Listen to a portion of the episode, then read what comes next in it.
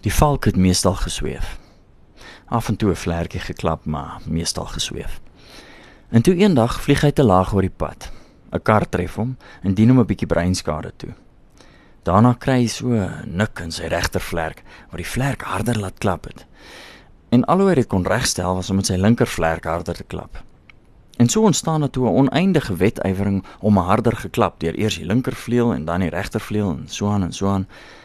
Daardeur is beoog om iets nader aan 'n swewing teweeg te bring, maar die uitkoms was helaas volslaa uitputting. Die valk het uiteindelik doodmoeg ophou vlerke klap en aarde toe geval.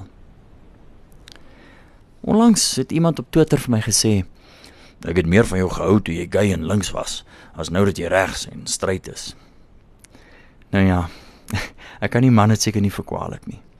As jy jare lank in hoek skoene en mini rokkies op verhoë in Europa gaan rondtrippel, dan moet jy maar verlief neem met jou aandeel in die skep van wanopvattinge tot die teendeel van jou werklike aard. Maar ek is en was nog altyd 'n kunstenaar en ek bemoei my as sodanig nie veel met die werklikheid nie. Ek los dit maar vir die akademici en die fisici. Wat wel taamlik duidelik is, is dat kunstenaars in die algemeen as 'n demografiese eenheid links neig.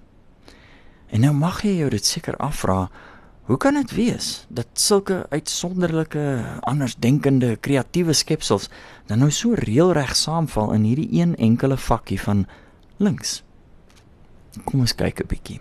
Kom ons kyk wat anders het hierdie kreatiewes in gemeen.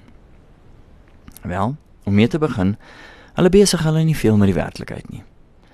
Die mark van die kunste bepaal 'n ongeskrewe reël dat verbruikers van die kunste verwag om 'n bietjie weggevoer te word van die werklikheid. Hulle verwag dat die kunste vir hulle alternatief tot die huidige en die onmiddellike werklikheid bied.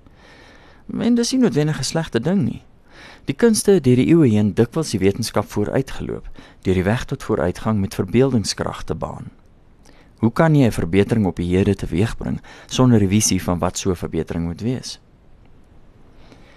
Wat kunstenaars ook meestal ingemeen het, juis uit hoofde van hulle bevryding van die grendels van die werklikheid, is praktiese tekortkominge. Want sien, verbeelding is nie genoeg om verandering in die werklikheid te vergestaal nie. Die verbeelding wil dat die mens soos 'n valk sweef, maar die werklikheid laat die mens wat dit probeer teen 9,8 meter per sekonde kwadraat aarde toe donder. Daar is 'n goeie dosis praktiese werklikheid wat jy tussen die swewende mense verbeelding en die liggaam wat hierdie verbeelding huisves moet inprop om die onverwendbare verplettering te vnuik. En daardie praktiese vernuf is tereg die prerogatief van die ingenieurs. Want elke oomblik wat 'n kunstenaar toewy tot die ingenieurswese, is 'n oomblik weg van die gawe van sy verbeelding. Ek wil nog een verskilletjie opper en dit is die ongewone lewenstyl van die kunstenaars. Suksesvolle kunstenaars, dit is diegene wat dan nou ook die grootste platform vir die verkondiging van hulle verbeeldingryke linksinnigheid geniet, het geen idee wat dit is om Jan Alleman te wees nie. Stel jou voor, liewe leser, dat jy elke dag na jou werk as 'n bankklerk deur 'n skare toegejuig word. Stel jou voor dat jy naweke wanneer jy nie besig is om bande by Tavatini's tyres te ruil nie, in die winkelsentrum stap en oorval word deur mense wat jy van geen kant af ken nie, wat vir jou vertel hoe wonderlik jy is. Wanneer jy as kunstenaar wandel in die agting van vreemdes, wanneer jy die praktiese implikasies van jou verbeeldingsvlugte gespaar word, wanneer jou onverbondenheid tot die werklikheid nie as 'n verstandelike tekortkoming beskou word nie, maar as 'n vaardige vereiste vir jou nering opgehemel word dan gaan jy jou bevind in 'n omgewing wat ver verwyder is van die werklikheid van die meeste mense se behoeftes. Dan gaan jy 'n vreemdeling wees vir die praktiese gevolge van jou indrukke op groot menigtes. En dan gaan jy die wêreld as vriendeliker, meer bedagsaam en meer waarderend ervaar as wat vir die gemiddelde mens die geval is.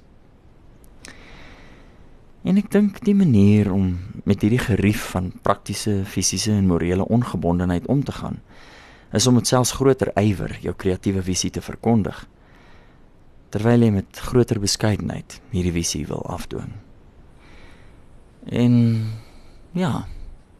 Ja, dis goeie raad ook vir my.